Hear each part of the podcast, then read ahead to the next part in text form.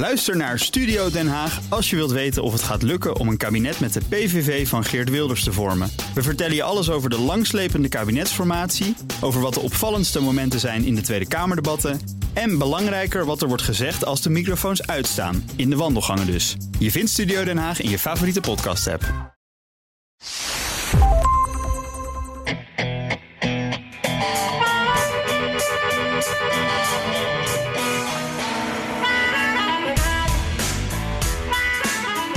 Het was de belangrijkste speech uit zijn politieke carrière tot nu toe. Joe Biden sloot een democratische conventie zonder juichend publiek en zonder ballonnen af met een krachtige speech. Here and now, I give you my word. If you entrust me with the presidency, I will draw on the best of us, not the worst. I will be an ally of the light, not the darkness. It's time for us, for we the people, to come together. And make no mistake, united we can and will overcome this season of darkness in America. En hij kreeg daar zelfs op Fox News lovende recensies over. Dit is aflevering 37 van de Amerika-podcast. Mijn naam is Jan Posma en ik zit hier uh, ja, aan het bureautje van mijn hotel... Met, met uitzicht over vrachtwagens die over het asfalt razen. Ik ben in uh, Scranton, Pennsylvania. Dat is de geboorteplaats van Joe Biden. En ik zit hier uh, ja, voor de tweede dag op rij aan, aan de vieste hotelkoffie... die je kan bedenken, Bernard.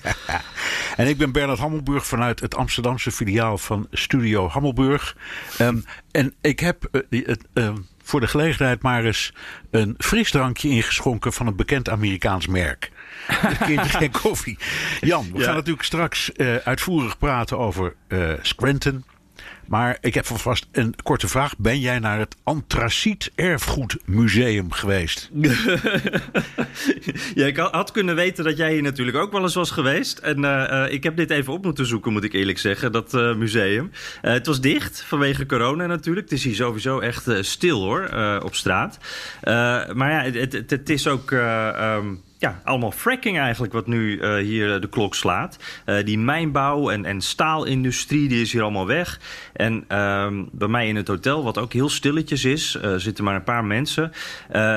daar staan hier in, in de gang overal grote vieze laarzen van, van frackers. Mannen die naar schaliegas boren. en dat zijn allemaal Trump supporters, weet ik inmiddels. die stemmen hier niet, want die worden allemaal ingevlogen uit Texas.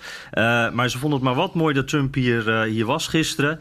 En nou, ze waren ook heel enthousiast dat Trump het uh, dus ook over fracking had gehad in zijn speech. Maar daar zullen we het wel meer over hebben. En ook waarom Scranton nou juist zo belangrijk is in die strijd om Pennsylvania. Ja. maar Bernard, laten we het eerst even hebben over het nieuws van deze week, de Democratische Conventie. Ehm, de, de, reden dat ik aan de koffie zit en jij aan de cola is dat we ook allebei een beetje wakker moeten worden. Want het was een, een lange nacht, hè? Nou, nou, nou. En uh, ik, uh, het tijdsverschil werkt dan tegen me, zal ik maar zeggen. Dus ik heb echt de, ja. hele, de hele Nederlandse nacht opgezeten om het allemaal te zien. Ja, ja, dat is nog eens de toewijding. Allemaal voor deze podcast. Allemaal voor deze podcast. Uh, ah, nee, en, en ik, ik, heb, ik zat natuurlijk net als jij ook in, in de ochtendspits van BNR. Dus we moesten er ook even onze indruk over geven. Maar toch, ik vind precies, dat je zo'n conventie moet je gewoon... Ik heb ze allemaal meegemaakt in het verleden. Dus ik, ik dacht, ik moet hem gewoon weer meemaken. Ja, ja, kan ik me ook goed voorstellen. Er, er waren een paar dingen die mij uh, opvielen, Bernard. En uh, laat ik ze eventjes noemen. En dan kan jij meteen vertellen of je het daarmee eens bent of wat jouw indruk is. Um, ik, ik, denk dat het belangrijkste waar we echt even mee moeten beginnen, wat ik net al noemde. Biden heeft zijn speech gehouden. En ik denk hij heeft gewoon geleverd. Alle ogen waren op hem gericht. Hij was onzichtbaar in de campagne. Hij werd aangevallen op zijn geestelijke gesteldheid door, door de Trump-campagne. hij stond ook af en toe echt. ik heb hem meerdere malen gezien, de, deze campagne. En hij stond echt wel wat te, te, brabbelen soms. Maar vanavond stond hij er, of gisteravond moet ik zeggen, stond hij er echt. Ik heb hem, uh, uh, ja, ik vond het echt gewoon een sterke speech. Het was de beste toespraak van de hele campagne. En zelfs op Fox News waren ze enthousiast bij. Ja, ja en, en ik, ik, ik dacht er ook precies hetzelfde toen ik zat te kijken. Want al die mensen, Trump voorop, die roepen: dit is een uh, oud, krakkemikkig, slaperig mannetje. Die zijn in één keer wakker geschud. Want hier, ja. hier, stond, hier, hier zag je een wilskrachtige man met een krachtige stem. Um, een uitstekende non-verbale communicatie. Uh, uh, die ehm, vriendelijk sprak over, op een vriendelijke toon had op zeg wat de meer emotionele onderwerpen. Dat waren er veel. En een veel fellere toon op de vele momenten waarop hij in de aanval ging. Het was gewoon eh, vanuit het, eh, het perspectief, zal ik maar zeggen, van communicatie was het perfect. Kan niet anders zeggen. Is nou, uh, zijn wij ook wat minder kritisch geworden misschien? Want ik denk dat jij ook dacht, uh, wij zitten af en toe houden wij ons hart vast. Hè? Als Joe Biden spreekt, dan vraag je af soms of hij het einde van, van een zin gaat halen. We weten ook, hij, hij, hij is een stotteraar geweest, dus dat, daar heeft hij nog steeds moeite mee. Maar, maar, is onze lat wat omlaag gegaan of was dit gewoon echt een goede speech? Wat denk je? Um, een goede vraag. Um, het was een hele goede speech. Echt waar. Daar, dat, dat, jij zei terecht, zelfs Fox News vond dat. Nou, dan, dat, dat vind ik wel een graadmeter, want dat, die zijn erg kritisch. Ja. Uh, maar de lat inderdaad lag bij ons een beetje laag. Het was zo van, oh jee, zou die kunnen leveren? En als het dan meevalt, en dat deed het, ja, dan zijn we gauw enthousiast. Maar goed, ja, laten, laten, laten we nou niet onaardig zijn. Ere zij die ere toekomt. Daar stond een kandidaat die de nominatie moest aanvaarden. Want dat is formeel waarom ze er staan. En dat deed hij op een uitstekende manier. Doodgewoon. Ja. Ja, ja. En, en wat jij ook noemde, dat, dat empathisch vermogen, wat hij heel goed benadrukte. Daarmee werd ook echt dat contrast met, met Trump werd heel duidelijk uh, neergezet. In ieder geval hoe de Democraten dat zien. Als een uh, gevoelloze man die alleen maar aan zichzelf denkt. Nou, Biden uh, is het luisterend oor en die beloofde oplossingen. Maar, maar Bernard, er was wel iets waarvan ik me afvroeg, wat vinden Amerikanen daar nou van? Er werd ook echt een heel duister beeld van Amerika geschetst nu on, onder Trump. Dat, dat, dat vond ik niet zo passen in, in zo'n moment van een conventie waar je ook wat optimisme hoopt te horen over de toekomst. Ja, um, het is het onderdeel natuurlijk van de boodschap. Als je consequent zegt, die Trump is eigenlijk een soort misdadiger. Die alles wat er fout is op zijn gemeten heeft, inclusief het virus. Wat ik eerlijk gezegd onrechtvaardig vind. Je kunt zeggen, hij heeft het fout aangepakt. Maar je kunt hem niet verwijten dat het er is. Maar dat zat hier toch wel een beetje ingebakken. Um, en uh, ja, je, je ziet de, de, de aantallen werklozen en werkzoekende mensen die in de problemen zijn geraakt. Ga ze maar op en je zet het allemaal op deze manier op een rij. Ja, dat is een somber beeld. Het was een beetje, wat dat betreft was het een beetje de Kees tekort van de conventie hoor, vond ik. ja, de heel Valente. Ja. Uh, dit, dit, was ook een beetje, de, de, de, conventie vond ik van, van de oude garde. De, de, het legertje van de generatie Biden, zeg ik maar even. Uh, ik, ik, zag wel wat uh, gewone mensen die, die, die, die ook er langskwamen. Dat waren dan ook immigranten, wat diverser beeld. maar de sprekers vond ik wel, ja, soms, soms op dat punt een beetje wat minder. Ik bedoel, Bill Clinton nog een keer horen. Uh, Hillary Clinton nog een keer horen. Uh, je wilt toch ook graag uh, wat, wat, meer de, de talenten, de toekomst horen? Ja, dat vind ik ook. En uh, ja, het was een, een, beetje een geriatrische instelling. Maar ja, dat geldt voor deze hele Amerikaanse verkiezingsreis race dit ja, keer. Ja. Uh, ik wil wel even meteen, omdat je had dat over stotteren. Dat vond ik wel een heel mooi moment. In de aanloop naar de aanvaardingsspeech van uh, Biden. Uh, dat stotterende jongetje. Dat ook, ja. een, dat ook een, een pitch deed. En dat op een hele leuke manier vertelde hoe Joe bij hem was geweest en met een boek naast hem was gaan zitten om uit te leggen hoe hij de strijd tegen dat stotteren had geleverd. En, en dat joch, stotterend dan wel, kwam eigenlijk met een hele opgewekte boodschap. 13-jarig jongetje. Dus dat, dat was ook tegen de achtergrond van al die bejaarden vond ik dat wel een mooi contrast hoor.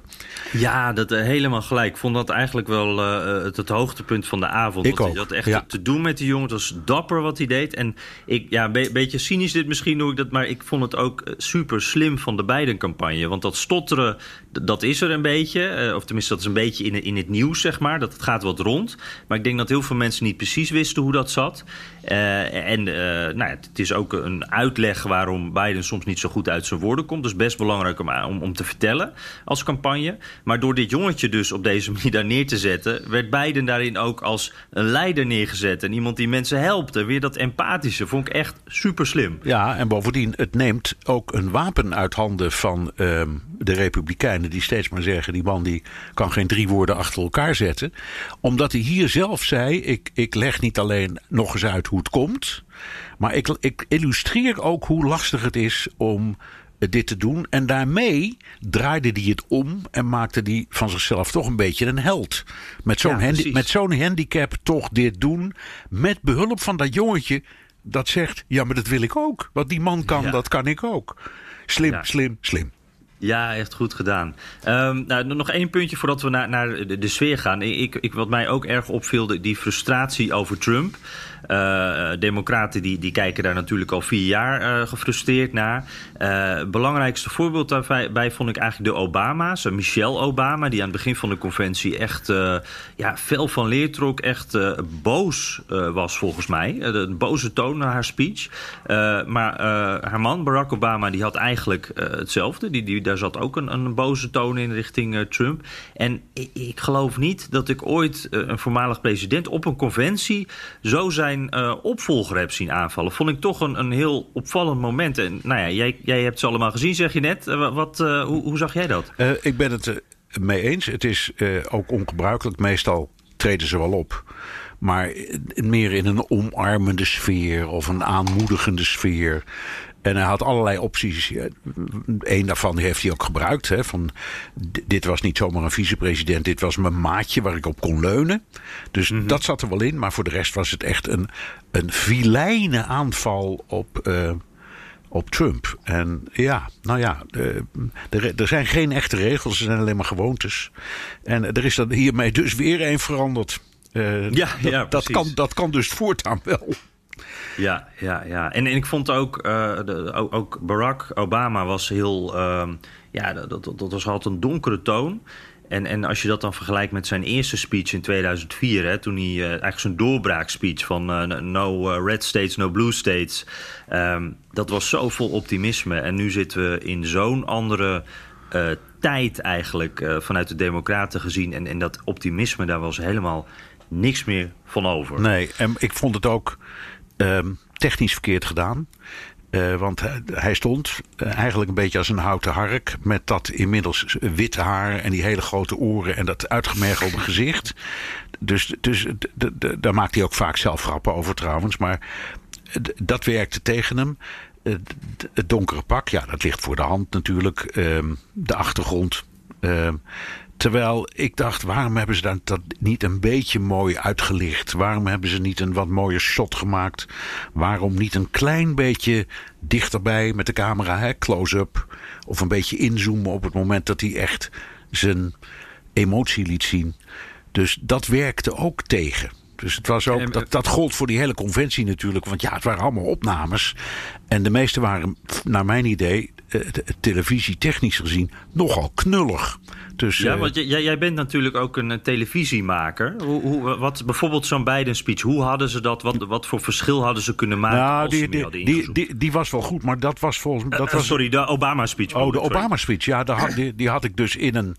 Um, ik had hem in een ietsje mooiere achtergrond gezet. Uh, een andere kamer uitgezocht, dus met een mooiere achtergrond.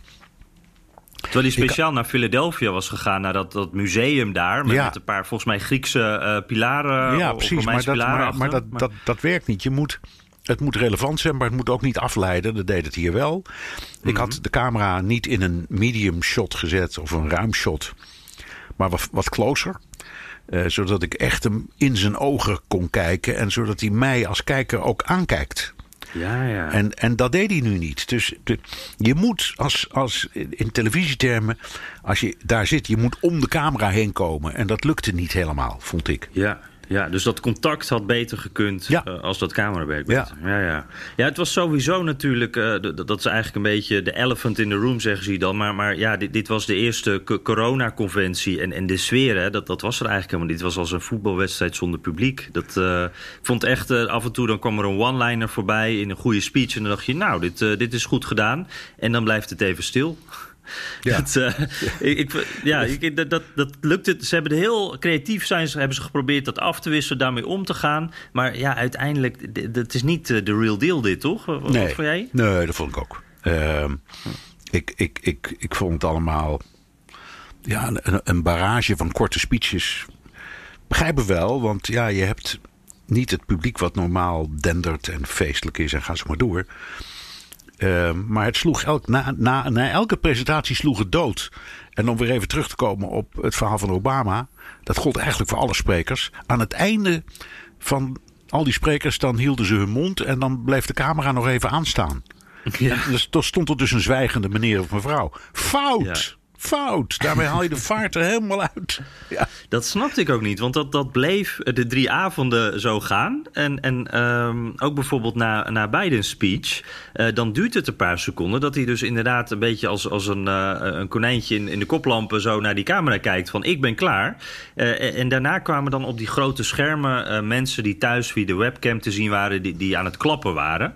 Ja. Op zich een, leuke vinding, alleen dat duurde net wat te lang duurde dan wat weer, te lang, ja. En daarna ging hij naar buiten. Dat was dan wel weer aardig, want er was iets van publiek... en een beetje suffig klein vuurwerkje. Maar goed, Ja. ja. Maar een beetje conventiegevoel, hè? Een beetje, ja. ja. Hey, en wat, als we nu een beetje zo de balans aan het einde opmaken... heeft dit nou uh, gewerkt wat jou betreft? Nee. Um, en dat heeft een aantal redenen. In de eerste plaats, de Democraten hebben 4000 gedelegeerden die normaal naar zo'n conventie gaan. Dat zijn dus de mensen die in de voorverkiezingen worden aangewezen om te gaan stemmen namens hun staten. Keer twee, want in de regel staat dat voor elke gedelegeerde gaat één alternate mee. Dus één reserve. Dus het zijn er al 8000. Wordt overigens allemaal betaald door de federale overheid, dus door, door de belastingbetaler. Dus die, die partijleden, die, dat zijn mensen ja, uit allerlei steden en dorpen en het platteland en ga zo maar door. Die krijgen allemaal een volledig betaalde reis. Uh, met mooie hotelkamers, met eten, drinken, alles. Daar kom, komen dan nog eens uh, uh, ja, superdelegates bij. Dus de partijbonzen, gasten, uh, vrienden, honderden journalisten. Dus je zit zo normaal aan een zaal met 12 tot 15.000 man. En die gaan allemaal compleet uit hun dak als een soort carnaval. Uh, en vandaar uh, dat de vergaderingen bij conventies altijd alleen s'avonds zijn. Dat was nu ook. Hè. De bijeenkomst is eigenlijk alleen s'avonds. Overdag is er niks. Want dan gaan al die mensen die gaan natuurlijk uit. Want die, ja, die zijn op kosten van de belastingbetaler mogen ze een reisje maken. en, ze moet, en ze moeten hun roes uitslapen en dat hoort allemaal een beetje in die traditie. En al die dingen. En, en zo'n band met, met harde hoempa-muziek. En de ballonnen. Ja. En noem het allemaal op. Dat ontbrak allemaal. Dus ja, ja dat, ja. Kan, dat kunnen de Democraten niet helpen. Dat gaat de Republikeinen ook overkomen. Maar daarmee kwam het niet over. En als je dan honderd ja. keer achter elkaar dezelfde boodschap hoort... Trump deugt, deugt niet.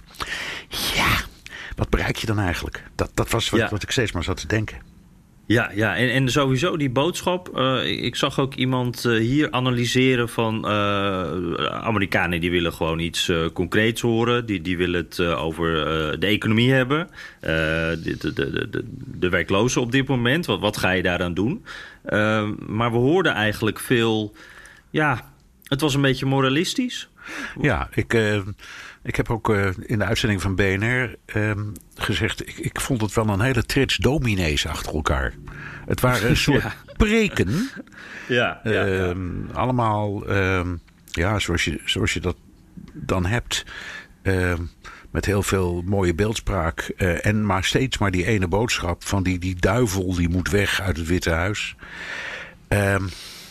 ik, ik, uh, op dacht ik, jongen, jongen, jongen, jongen, ik heb het echt gehad nou hoor. Toen zat je daar in het donker en ja. dacht, dit vind ik niet zo leuk meer. Nee. nou, er waren wel een paar momenten uh, die, bij mij wel bleven hangen. De, de, de, stotterende jongen die je net noemde, dat was wel echt een, een mooi moment. Uh, maar wat ik vooral uh, goed vond, waren een paar van die korte momentjes met gewone Amerikanen. We hebben het net al over die prominenten gehad. Nou ja, je weet wel wat ze gaan zeggen. maar deze mevrouw bijvoorbeeld, die maakte op mij wel, wel grote indruk. My dad was a healthy 65-year-old. His only pre existing condition was trusting Donald Trump. And for that, he paid with his life. Ja, deze mevrouw uh, legt uit dat haar vader, uh, dat was een uh, overtuigd Trump-supporter, die geloofde Trump ook toen, toen Trump zei van dit waait wel over, corona, dat is niet, ja, het is eigenlijk geen groot probleem. dus die ging naar een karaokebar, die werd daarna besmet. Um, en overleed dus. En, uh, nou ja, de, de, deze mevrouw die hield haar verhaal, wat natuurlijk een heel emotioneel verhaal is. Zat ook veel, veel boosheid in. Uh, en dat, dat is dan een verhaal wat, mij meer bijblijft. Waar, waar meer gevoel in zit ook dan, dan nou, die preken waar je het net over had. Um, Maar wat ik ook wel interessant vond, uh, bijvoorbeeld waren die Republikeinen. Hè? Die, die Republikeinen die Biden steunen uit, uit ergernis over Trump. Een beetje de, de never-Trumpers, zeg maar. Uh, Oud-gouverneur Kasich van Ohio uh, bijvoorbeeld. Die was in 2016 nog tegenkandidaat van Trump. En ook die vrouw, de vrouw van John McCain, die, ook, nou, die ook haar zegje deed en ook achter Biden ging staan. Maar ook bijvoorbeeld Colin Powell, die oud-stafchef van de krijgsmacht en oud-minister van Buitenlandse Zaken. He will trust our diplomats and our intelligence community, not the flattery of dictators and despots. He will make it his job to know when anyone dares to threaten us. He will stand up to our adversaries with strength and experience. They will know he means business. I support Joe Biden because beginning on day one, he will restore Americans' leadership and our moral authority.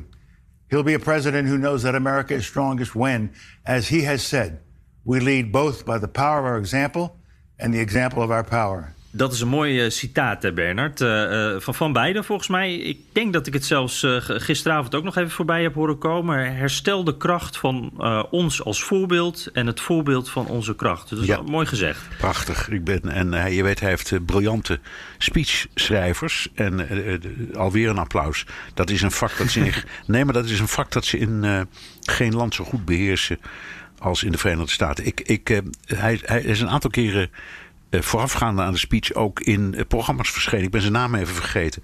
Maar echt iemand die het kan. Maar Jan, wat ja. levert dit nou allemaal op? Um, Trump die roept natuurlijk meteen die republikeinse gasten daar bij de Democraten. Dat zijn stelletje losers. Um, en daar zit ook wel wat in. Maar ook mensen die nou positief en geïnteresseerd zijn. Wat horen die nou voor nieuws als ze achter elkaar Michelle en Bill en Mario en Bernie horen zeggen dat Donald Trump een ramp is en Biden de redder van de mensheid? Ja, ja het, uh, uh, als je zegt trouwens losers, dan bedoel je uh, ook gisteravond waren ook de andere tegenkandidaten te, te zien die, die, die de voorverkiezingen dus verloren hebben van beide. Nou, nee, ik, ik, ik, bedoelde echt, Trump zal zeggen van mensen als, als Kasich en zo. Ja, en ja, Powell, ja. republikeinen die optreden voor de democraten, ja, dat zijn, dat, die zal die geen verraders noemen, maar losers. Ja, precies, precies. En dan zet hij ze meteen helemaal weg. Dan zet hij ze meteen helemaal weg, ja. Ja, ja. Nou, ik zat daar te, te, denken van, van inderdaad, uh, ja, wat, wat, schiet je hiermee op? Het, het, is natuurlijk, het is een gek iets, zo'n conventie, te spreken voor eigen parochie. Het, het, is een beetje een, een pep rally, wat ze hier dan wel op, op high schools doen. Eventjes met z'n allen staan juichen en dan, dan is iedereen weer helemaal opgezweept en, en wordt iedereen weer eventjes wakker. nou, dat doen ze nu, omdat ze willen dat iedereen gaat stemmen natuurlijk. Even de schouders eronder, jongens. We moeten campagne gaan voeren. Um, en eh, ja, die paar republikeinen, die, die vond ik ook wel, wel, wel sterk. Wel interessant om die eventjes te horen. En uh, uh, nou ja, als er wij, twijfelende republikeinen in het publiek zaten... dan, dan zijn die daarbij ook aangesproken. Maar ja... Het is de, vraag hoeveel republikeinen gekeken hebben. Ik denk dat er niet zoveel zijn. Het, het, is toch een beetje. Ze doen het een beetje voor zichzelf, toch? Ja, nou ja, er zijn een paar taken die een conventie heeft. Eén, dat is gewoon een praktische. Uh, de, er moet worden gestemd uh, op de kandidaat en die moet de kandidatuur aanvaarden. Dat is gewoon, laat maar ja. zeggen, technisch. Dus dat, is dat moet gebeuren. Um, het tweede is dat je alle tegenstellingen in de partij probeert weg te poetsen. Dat vond ik trouwens dat ze dat mooi deden, ook vannacht. Uh, toen op een bepaald moment, uh, onder leiding van een van de senatoren, alle tegenkandidaten samen op een Zoom in beeld kwamen. Ja, ja Cory Booker deed dat. Cory Booker deed dat, ja. En daar met heel veel gevoel voor humor die verschillen nog eens neerzetten. En, ze, en zeiden: jongens, het is allemaal niet belangrijk hoor. Um, al die flanken die wij vertegenwoordigen in ideeën. Het gaat er nu om dat we ons verenigd voelen en dat we achter die man gaan staan. Maar ja. dat moet ook gebeuren. Dat is een taak van een conventie. Om te zeggen: oké, okay, ja. alle, alle, alle discussie uit het verleden is nu klaar. We zijn nu allemaal weer één partij. En, en daar zit mijn grote twijfel. Um, je moet dan ook hopen dat het op het publiek dat kijkt, de televisiekijkers, uh, dat dat daar die groep raakt. Die mm. twijfelt. Nou, zo groot is die groep niet. Maar die moet je zien te krijgen, te treffen. En ik heb grote twijfels of dat is gelukt. Ja, en, en waar zit hem dat dan in? Is dat die vorm of, of kijken die gewoon helemaal niet? Ik denk dat als ze wel kijken, dat ze een beetje hetzelfde hadden wat wij ook hadden. Van jongens, we horen het, we weten het nou wel. En waar, is, waar is nu. Je hebt het steeds maar over redelijkheid. En we gaan de problemen echt oplossen. En we gaan de ziekte erkennen en niet wegdenken. En we gaan de economie echt eh, serieus aanpakken. En noem maar, maar op. Maar geen details. Nou, nou, nou is de Amerikaanse traditie zo dat uh, politici hoeven dat ook niet. Ze werken niet echt met, met partijprogramma's zoals wij dat kennen. Uh, dus ze zijn altijd een beetje, ja, het zijn lijnen die ze aangeven. Maar, maar hier ontbrak wel echt, behalve dan die vage lijntjes, een beetje een plan. Dus wat moet je er als kiezer mee? Ja, dat was voor mij een beetje. eh, Waarom zou ik op die man kiezen? Want hij zegt dat hij de economie verbetert. Ja, dat roept Trump ook. Dus wie moet ik nou, hè? Dat, dat een Ja. beetje. Ja. Ja, een beetje eh, show, don't tell. Eh, Biden die zei, ik heb een plan. Maar wat is dat plan dan? Ja. Nou, wat ik ook wat ik, opmerkelijk vind, Jan, is de Republikeinse campagne. Want normaal zwijgt de ene partij als de andere partij zijn conventie heeft. Eh, dat gebeurt nu niet. Eh, dat is de tweede traditie die we zien omvallen. En naar Obama die eh, zijn, ehm, zijn opvolger aanvalt. Sterker nog, Trump zette voluit in. De aanval bam midden in dit feest. Ja, ja, ja. Dat, dat, dat zit in van alles zie je dat terug. Als je hier YouTube opende de afgelopen week... of de site van de Washington Post of Fox News... Dan eh, kreeg je Trump-advertenties te zien. Eh, gewoon de hele dag alleen maar dat. Dus- dat is een manier waarop hij dat deed. Hij tweette natuurlijk. En eh, nou ja, dat, dat is ook de reden dat ik hier in, in eh, Scranton zit. Eh, hier pakte hij ook behoorlijk uit. En, en ja, ik moet wel zeggen, de Trump-supporters die genoten daar ook van. Eh, Scranton is dus de geboorteplaats van Joe Biden. Dus hij zit echt in, in, Bidens achtertuin. Het is ook een beetje eh, democraten pesten. Juist op de dag van die speech van Biden... eh, nou ja, ging Obama hier even de spotlight eh, van- hem stelen. Eh we gaan het er zo nog wel even over hebben trouwens, over Scranton zelf. Maar eerst even over die, die Trump-rally hier. Eh, en dan met name zijn aankomst. Want dat viel me echt enorm op, Bernard. Ik heb in het verleden ook bij Trump-rallies... daar staan er altijd wel mensen langs de kant met vlaggen. De- soms wordt er ook wel een beetje groter uitgepakt. Maar dit eh, had ik echt nog niet eh, eerder gezien. Eh, in, in dit kleine plaatsje, met, met, het was een voorstadje van Scranton... in de Main Street stonden echt honderden mensen over... Ik, volgens mij was het echt wel, wel misschien wel meerdere kilometers afstand... met vlaggen, eh, met, met, met, met, met, eh, met vaandels, omgebouwde campers... eh, t- Trump-t-shirts, natuurlijk de rode Trump-petjes. Eh, er stonden hele vrachtwagens die helemaal bestickerd waren... met allemaal Trump-slogans, zijn foto... Eh, er was er eentje helemaal gewijd aan Hillary Clinton. Die hadden ze denk ik nog eh, uit 2016 staan. Maar die komt eh, nu ook weer goed van pas. Er was een DJ. Het was echt... Nou, je kent die beelden wel van de Tour de France op eh eh, Alpe d'Huez of bij een aankomst. Zo zag het eruit. Ja. En het was ook eh, uren wachten in de, in de brandende zon. En in een paar seconden kwam die Trump dus voorbij. En dan, ja, toen ging iedereen weer naar huis. Ja. Maar Ja, echt, dat- Bernard, ze, ze waren dol enthousiast. Ja, nou dat is mooi. Dat is, dat, dat is fascinerend, juist daar. Wat wil Trump ermee? Ja, ja, nou ja, ik, ik, wat me dus, eh, want, van tevoren dacht ik dus ook, eh, nou ja, een beetje flauw van Trump, dat hij nu juist eh, nu naar, naar Scranton komt. Ja, en, en wat levert het nou helemaal op? Maar ik ben daar toch wel wat van, van gedraaid. Want het, het liet mij weer eventjes zo zien, iets wat je ook wel weet natuurlijk, maar als je het ziet is het toch anders. Hoe populair hij is onder zijn achterban. En, en even twee dingetjes. Ten eerste viel erg op, de mensen die daar stonden, ja, het draait om politiek. Trump is hun president, ze vinden dat belangrijk. Maar beleid eh, en wat hij doet, dat kan de meeste mensen eigenlijk eh, ook niet superveel schelen. Het, gaat, het, is ook een soort fanschap. Ze staan er echt als fan van Donald Trump. Dit is entertainment, dit is... eh, ja, dit, dit, dit, dit is, dit is iets wat ze voor hun plezier doen. Om, om het spektakel, de show die ze krijgen. Ehm, en daarnaast wat ik net zei, dat enthousiasme. Ehm, dit is ook reclame voor Trump. En dat, dat, dat doet hij dan wel weer heel slim. Ehm, ik, ik heb ook een paar democraten gesproken in Scranton. En die stonden trouwens ook uh, te, te, kijken met hun, hun uh, Biden-bordje. Die, die hadden niet een hele leuke middag. Uh, nee. Maar, maar die, nee, die, die kregen het echt wel een beetje te verduren hoor. Maar, maar die, die, die zien dus he, helemaal niets. Hè? Want, want Biden die, die, ja, die komt dan s'avonds in, in een schermpje. op hun schermpje. En, en, en dat is het enige wat ze krijgen. En dat echte enthousiasme. Nou, daar hebben we het net over gehad. Dat kwam niet over, over dat schermpje. En hier zie je ineens allemaal mensen uh, die ook zo enthousiast over die Trump zijn. En, en, die, en, en volgens mij was dit dus echt uh, een kleine convention uh, op locatie, een soort pep rally.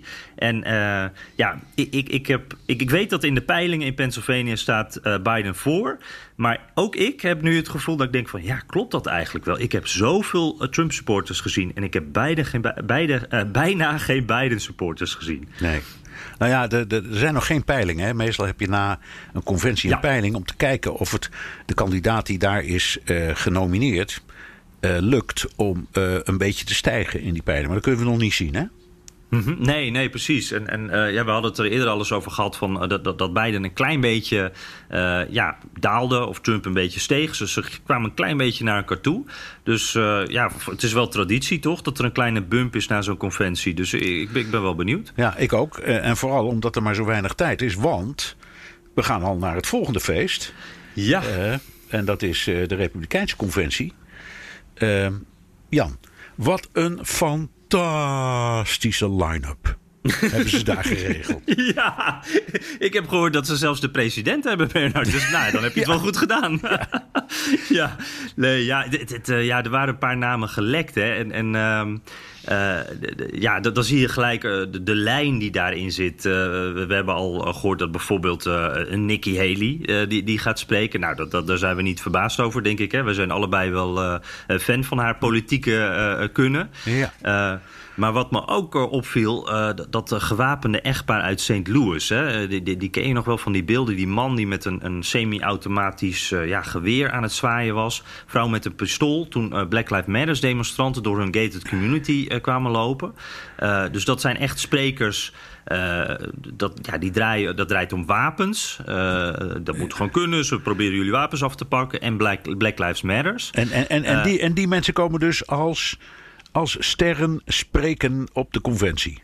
Ja, precies, precies. Ik weet niet in wat voor vorm. Of ze uh, voor hun huis gaan staan met een uh, camera erop. Of uh, wat het gaat worden. Maar ja, inderdaad, dit, dit zijn een paar sterren van de avond. En, en ook die, die scholier van Covington High School. Dat weet je misschien nog wel. was volgens mij ja. een jaartje, misschien al twee jaar geleden. Uh, die scholier met dat MAGA-petje op, die, die ruzie leek te hebben met een uh, Native American. Uh, nou, bleek allemaal een stuk ingewikkelder. media rapporteerden of schreven erover. En die jongen die, die eiste daarna een grote scha schadevergoeding van, ik geloof onder andere CNN. schikte uiteindelijk, wilde 250 miljoen dollar hebben.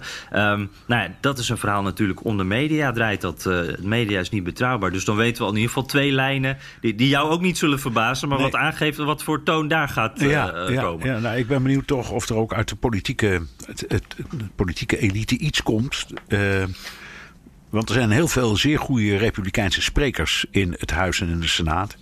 En noem maar wat. Dus die zou je ook hebben. Ik weet wel dat uh, prominenten zoals George W. Bush... die hebben gewoon de uitnodiging geweigerd. Dat is ook wel interessant, vind ik. Ja, ja die ja. had vorige keer ook niet op Trump gestemd, volgens mij. Nee, Nee. Dus, uh, niet gestemd als ik Nee, dat, dat denk ik ook. Oké, okay, Jan, wie wordt de keynote speaker en waar houdt Trump, en waar houdt Trump zijn acceptance speech? Ja, ja, ja. Nou, de, de, de president die, die maakt het presidentieel. Hè. We, um, hij, hij, was al een tijdje erop aan het zinspelen dat het het Witte Huis zou worden. Nou, dat weten we inmiddels zeker. De Southland, die plek waar... Um, de helikopter ook altijd uh, landt. En, en waar de, de Rose Garden is ook aan die kant. Uh, Melania Trump gaat trouwens haar spe speech ook doen van, vanaf die kant. Vanuit die Rose Garden die net uh, gerenoveerd is. dus ja, dat gaat het worden. En ik zag ook, er is een vergunning aangevraagd voor vuurwerk bij Washington Memorial. Wat daar precies zo uitzicht op heeft. En ik zag ook dat er wordt al gebouwd in de tuin. Dus dat, dat belooft een grote show te worden, een spektakel. Ja, ja. verbaast mij omdat het een, wat wij noemen een rijksgebouw is. Dus het is helemaal niet van Trump, het is van uh, de, het Amerikaanse volk. En dat je, mm -hmm. dat je dus een, een, uh, ja, een, zo'n gebouw dan mag gebruiken voor een politieke speech. Dat, dat vind ik opmerkelijk. Maar goed, ze zullen, ze zullen ongetwijfeld dat keurig hebben aangevraagd of aangemeld. maar het valt me wel op. Ja, ja, nee, inderdaad. Het, het is, uh, dat is iets geks. En, en ik heb het gevoel uh, dat, dat dit ook een beetje de Trump-manier is. Want er was natuurlijk meteen protest ook van de Democraten. Maar uh, Trump die zegt: Ja, ik, ik probeer het gewoon, ik doe het gewoon. En als jullie me tegenhouden, nou ja, dan zie ik dan wel weer. Maar als ik het gewoon doe, wie houdt me eigenlijk tegen? Ik Zo ben de president. Het. Zo is het. En dan kan ik ook zeggen: Jongens, ik woon hier gewoon, dus niet zeuren. ja, okay. precies. Jan, ehm, jij bent in Scranton.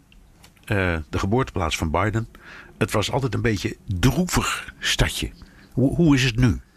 Ja, dat, dat, is eigenlijk, uh, dat is het eigenlijk nog steeds wel een beetje. Dit is een, een, een provinciestadje, een beetje, een beetje suffig. Uh, ik vind het wel wat hebben daardoor hoor. Ik vond, vind het een leuke plek.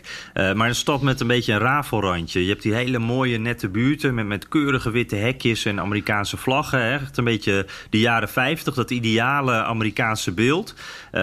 maar je hebt hier ook veel vervallen bedrijfshallen, met name een beetje downtown.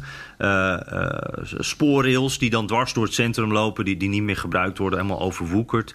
Uh, en je ziet dan dat, dat er wel wat. De, de bioscoop is bijvoorbeeld heel mooi, maar die is ook niet meer in gebruik als bioscoop. En dat is al heel lang niet meer zo. Je ziet echt dat de, de beste tijd ver achter zich, achter ze ligt. En uh, ja, dat, komt natuurlijk omdat dat, uh, het is hier de Rust Belt. Uh, en, en, en, eigenlijk alles wat hier aan, aan grote industrie was, kolen, uh, metaal of staal, dat, dat, dat wordt hier niet meer gemaakt. Dus het is nu vooral onderwijs en de medische wereld waar, de banen zijn. Is, is, is dit een beetje wat, jij ook als beeld had? Ja, zeker. En um, dat teloor, die teloorgang van de staalindustrie is al heel lang aan de gang. En ze hebben eigenlijk nooit ja, daar iets op gevonden. Behalve Pittsburgh, moet ik, moet ik zeggen. Dat, ja. heeft zich, dat heeft zich helemaal ontwikkeld tot een beetje hippe. Uh, uh, ICT, uh, een soort van mini Silicon Valley-achtige toestand. Dus die, die hebben het wel handig gedaan. Maar voor de ja. rest schets jij nu precies het beeld zoals ik het ken met een spoor dat je ook noemt. Hè? Als je, en, en ik zeg altijd, in staten, als je de goede kant van het spoor noemt, is het, uh, woont, is dik in orde. Maar de meeste mensen wonen aan de foute kant van het spoor en dat is helemaal niet in orde. Dus dat verschil is gigantisch. En dat is het beeld dat ik, behalve dan van Pittsburgh, in heel, Pennsylvania een beetje heb. Of het nou in Harrisburg is of in uh, Philadelphia, hè, waar je dat prachtige mooie gelikte centrum hebt met al die historische plekken waar uh, de Unie, de Verenigde Staten, is ontstaan. Mm. Maar zodra je daar twee, drie blokken buiten loopt, ja, dan zit je eigenlijk in, in vreselijke achterbuurten en enorme achterstandswijken. En, ja. en, en, van die, en van die droevig kijkende mensen die gebogen langs die straten lopen. En dat, dat, dat is het beeld. Dat is Pennsylvania. En daarom is het ook zo belangrijk uh, en daar, dan kun je zien, jij ziet nu met je eigen ogen dat het een swing state is en waarom. Dat is, dat is ja. wel mooi. Hè? Dat, dat, dat is het mooie als je, nou ja, als correspondent, als verslaggever ook echt kunt gaan kijken waar het speelt. En dan zie je, ja, Trump en Biden, die moeten daar vechten om elke stem. Het ja. is echt de helft plus één. Elke stem um, telt. Uh, dus ja, slag om uh, Scranton is dus ook losgebarsten. Hè? Ja, ja, precies. Ja, nee, ik vertelde net al over Trump, die hier dus uh, was. Uh, uh, ik, ik, ik, ik, was ook bij het geboortehuis van Biden. Biden heeft hier tot zijn, zijn elfde gewoond en heeft dat ja, onderdeel van zijn politieke identiteit gemaakt eigenlijk. Dus hij gaat er ook nogal prat op en hij komt hier ook regelmatig in de zomer terug, nog steeds. dus ik was even aan, het, even aan het rondrijden, wat aan het rondlopen hier. Ik was bij het geboortehuis van Biden en dat is dus zo'n mooie buurt met, met wit geverfde hekjes en, uh, en, en, Amerikaanse vlaggen. En daar viel me wel op. Dit is echt de eerste plek waar ik dat zie.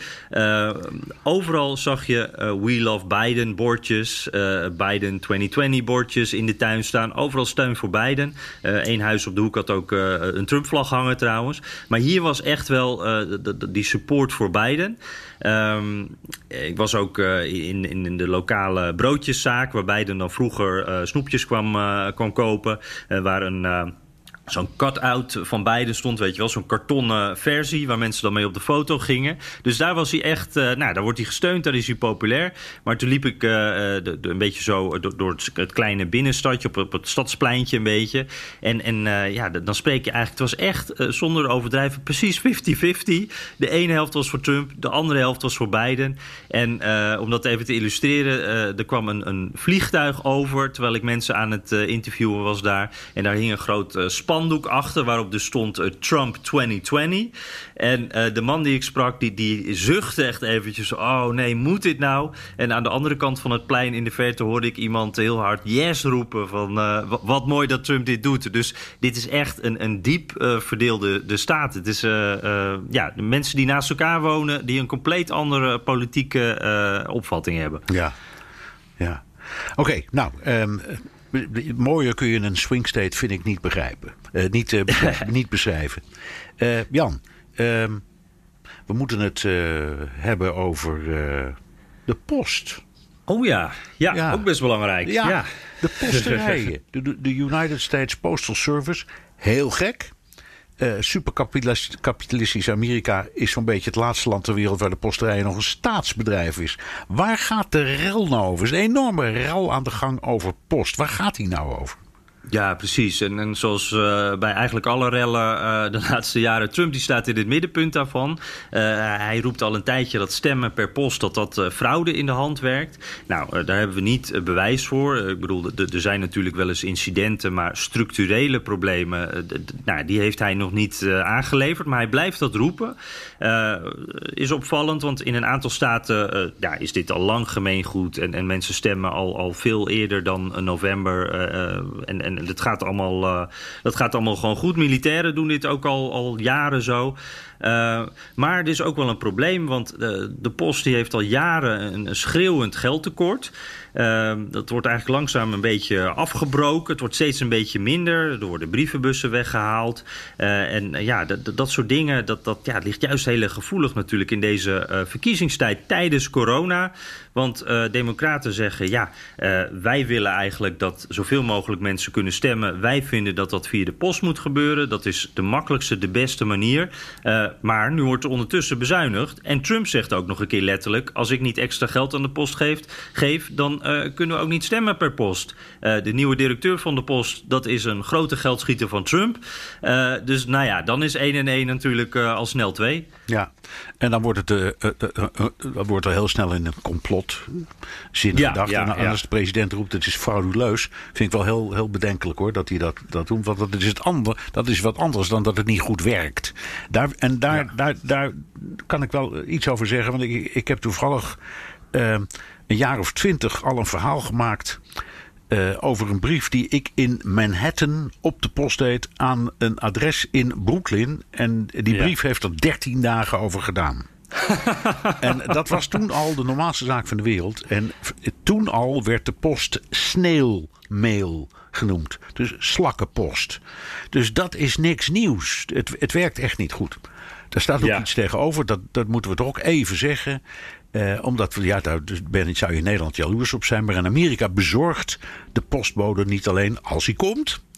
Maar hij neemt ook de uitgaande post mee. Dus bij mij in de flat bijvoorbeeld in New York heb je een apart postvak en daar kun je uitgaande post in doen.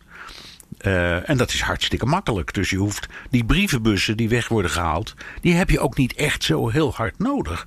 Nou, dat, ik, zou, ik zou het in Amsterdam ook willen hoor, dat de post hier. Ja. Uh, ja, zeker, zeker. Ja, nee, dat is ongekende luxe. Wij, wij hebben dat ook inderdaad. we wonen ook in een appartementencomplex. Op platteland is het dan weer uh, misschien wat lastiger. Nee, nee, nee, nee. Daar heb nee, je die beroemde, ook. Ja, die beroemde post, bussen met zo'n flap oh, die zo'n rood dingetje. Zo'n ding erboven. Ja, ja, ja, en dat, dat is precies daarom. Dat zet de postbode, die drukt dat naar beneden als hij heeft bezorgd. En jouw post eruit heeft gehaald.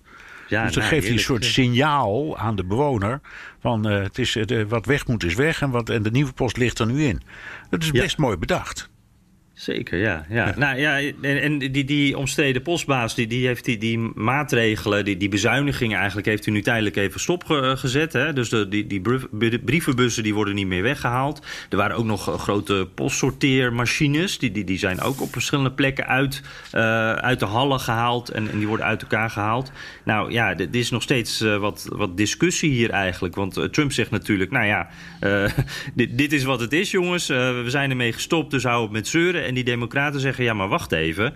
Uh, die postbodes mogen nog steeds geen overuren maken. Uh, die, die, die, brievenbussen zijn weg. Wij vertrouwen het nog steeds niet. En ja, het belangrijkste is natuurlijk, gaat het nou werken in november? Want er zijn miljoenen Amerikanen die dit gaan gebruiken ja, voor, uh, zeker. voor stemmen. En, en, nu al doen, heb ik begrepen. En in ook Americans overseas. Dat zijn er heel veel. Hier had het al over soldaten, maar er zijn ook heel veel andere. Maar Jan, er was toch een... een aparte berekening gemaakt, een soort noodbudget, om de post even door deze ingewikkelde tijd heen te helpen. Ja, ja, precies, inderdaad. Maar dan, uh, ja, dan hebben we het over Washington, hè, politiek Washington. Dus dat werd meteen een, een politiek uh, gevecht natuurlijk. Dus uh, Republikeinen zeggen van, nou ja, die, die noodmaatregel goedkeuren. Um, Democraten zeggen dan van ja, wij willen een uitgebreide nieuw steunpakket. Dus dit, dit zijn eigenlijk een beetje. Ja, de, de, daar in het, uh, op Capitol Hill zijn het ook een beetje slakken, maar dan wel vechtende slakken. En die vertragen echt, echt alles. Ja. Maar dat is, lijkt mij dom van de Democraten om dat aan elkaar te koppelen, het steunpakket en de post. Want eigenlijk, het heeft natuurlijk geen moer met elkaar te maken. Maar oké, dat is nu eenmaal het Amerikaanse systeem. Um, even simpel houden. Jan, um, puinhoop voor of op 3 november? Ja, ik, ik vrees van wel. En, en ook uh, denk ik nog wel in de weken daarna. Want uh, ja, daar gaan natuurlijk postzakjes uh, blijven liggen. Of die komen niet aan. Of nou ja, dat soort verhalen gaan we allemaal krijgen. En als dat in een swing state gebeurt. Nou ja, dan worden de advocaten. Die, die worden opgetrommeld, wou ik zeggen. Maar die staan ook klaar, denk je niet? Ja. De, de, de, dat zijn de, die hebben het meeste baat bij advocaten toch in Amerika al heel snel. ja, die zijn altijd bij ellende, daar verdienen ze aan. Ja, die zijn de lachende derde. Ja. ja. hey, Jan, uh, wij doen niet aan sneeuwmail. Wel aan e-mail, we doen aan Twitter. Wat heb jij allemaal in onze brievenbus gevonden? Ja, ja, eens even kijken. Chris Meijer, uh, hoe zit het? Mocht Biden gekozen worden en hij overlijdt tijdens zijn termijn, zeg bijvoorbeeld na twee jaar, en Harris wordt president, kan ze dan in theorie tien jaar president zijn? Of blijft het altijd maximaal acht jaar, twee termijnen dus? Nee, nee, dat is een goede vraag. Het antwoord is ja, dat kan. Want Harris, als ze op die manier president zou worden, is niet gekozen tot president. Ze, ze, heeft er recht op om zich kandidaat te stellen voor de, voor de, voor, en dan te, voor het eerst te worden gekozen. En daarna heeft ze nog het recht om te worden herkozen. Dus dat kan. Uh, dus het is echt technisch. Uh, technisch is het mogelijk en daar hebben ze er ook wel situaties voor gedaan.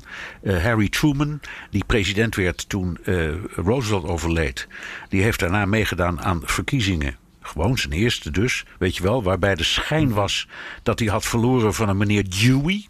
Oh ja, met die krantenkop. Ja, met die beroemde krantenkop. Maar toen had hij gewonnen. En vier jaar later kon hij dus worden herverkozen. En toen heeft hij zich teruggetrokken. Omdat hij dacht, nou ja, hij moest op tegen Eisenhower. En hij dacht, daar kan ik niet van winnen. Uh, die, want die man was razend populair destijds. En uh, dus dat is gebeurd. En je hebt Lyndon Johnson, hetzelfde verhaal. Die is mm-hmm. president geworden toen Kennedy werd vermoord. Die is daarna gekozen en heeft zichzelf teruggetrokken voor herverkiezing. Had hij niet hoeven doen.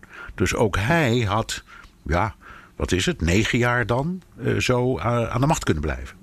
Hm.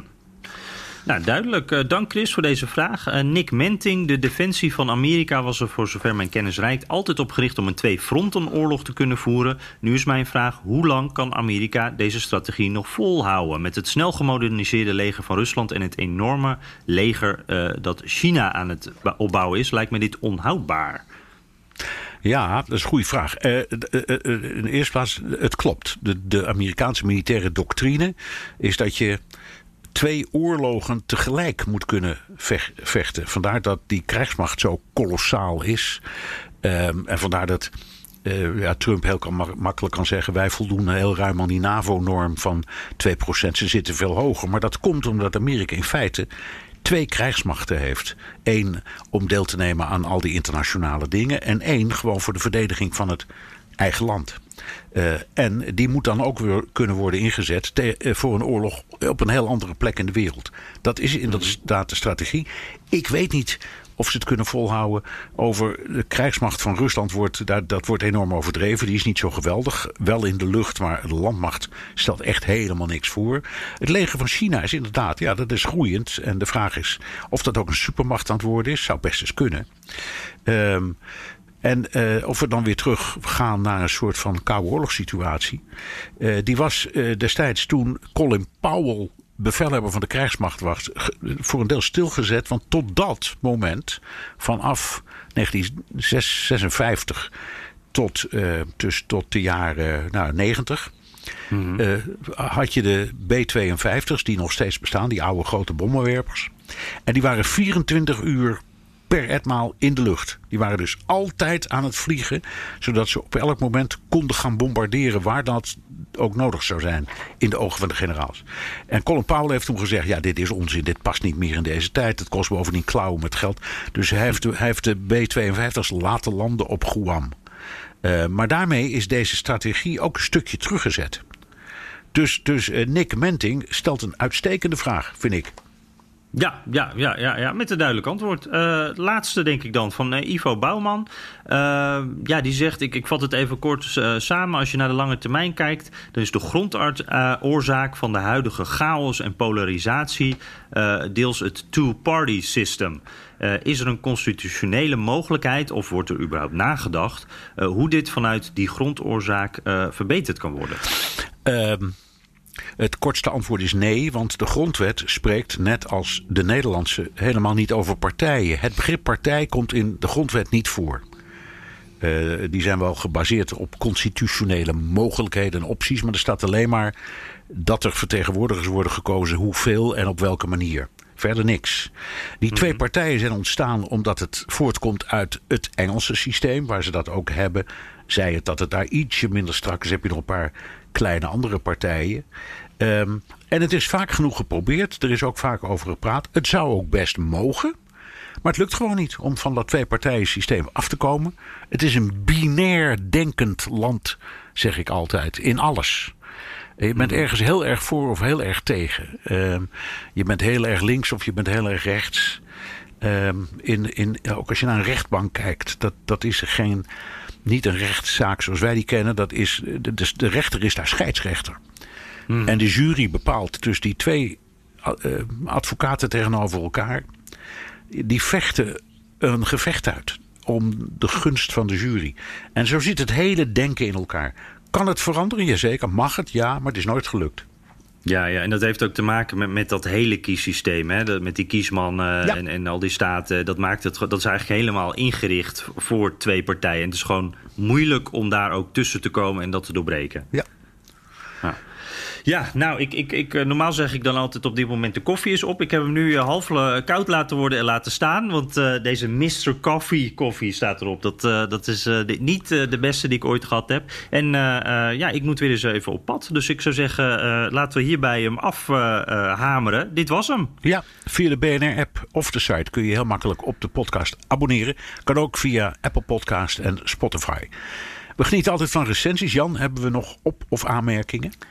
Jazeker. Uh, originele bijnaam verzinnen. Wat sowieso natuurlijk al de beste bijnaam is uh, die we gaan horen vandaag. Uh, dat is een mooie. heerlijke podcast, zegt hij, tijdens het hardlopen of fietsen bijgepraat worden. Samen met Boekenstein en de Wijk een breder beeld van geopolitiek en het afkalvende internationale statuur van de VS. Nou, dat is een rijtje. Boekenstein en de Wijk, daar staan wij graag in, toch? Zo is dat. Daarom. Uh, Wiest, ja. ja. zeker. Wiest zegt er nog uh, heerlijk onafhankelijk. Heerlijke podcast over de politiek. Ik vind het heel knap dat jullie een onafhankelijk beeld proberen te geven. Nou, uh, dankjewel. We doen ons best. Ja, en ja. zeker. En sommige mensen zeggen dat we dat niet doen. Maar we're tremendously good at it. Hè, Jan? ja. Oké, okay. terugluisteren kan via de BNR-site, Apple Podcast en Spotify. Heb je vragen, opmerkingen, kritiek of complimenten? Dan kan dat ook met een tweet naar Jan Postma USA of BNR De Wereld. Of heel ouderwets met een mailtje naar dewereld.bnr.nl. Ik dacht net eventjes dat je zelf campagne ging voeren, Bernard. Je, je, je channelde al even de president, de speech die jij gaat houden. Uh, laat ons uh, ook even weten hoe je naar ons luistert en waar. Uh, dank ook voor het luisteren. En nog eventjes een, een dienstmededeling. Vanaf volgende week komt de Amerika-podcast een dagje eerder online. en is ook voor een deel op de radio te beluisteren. Elke woensdag om half vier op BNR Nieuwsradio. En ja, dat blijft gewoon hetzelfde. Gewoon via je favoriete podcast-app. Dus op de radio of gewoon via de podcast Tot volgende week.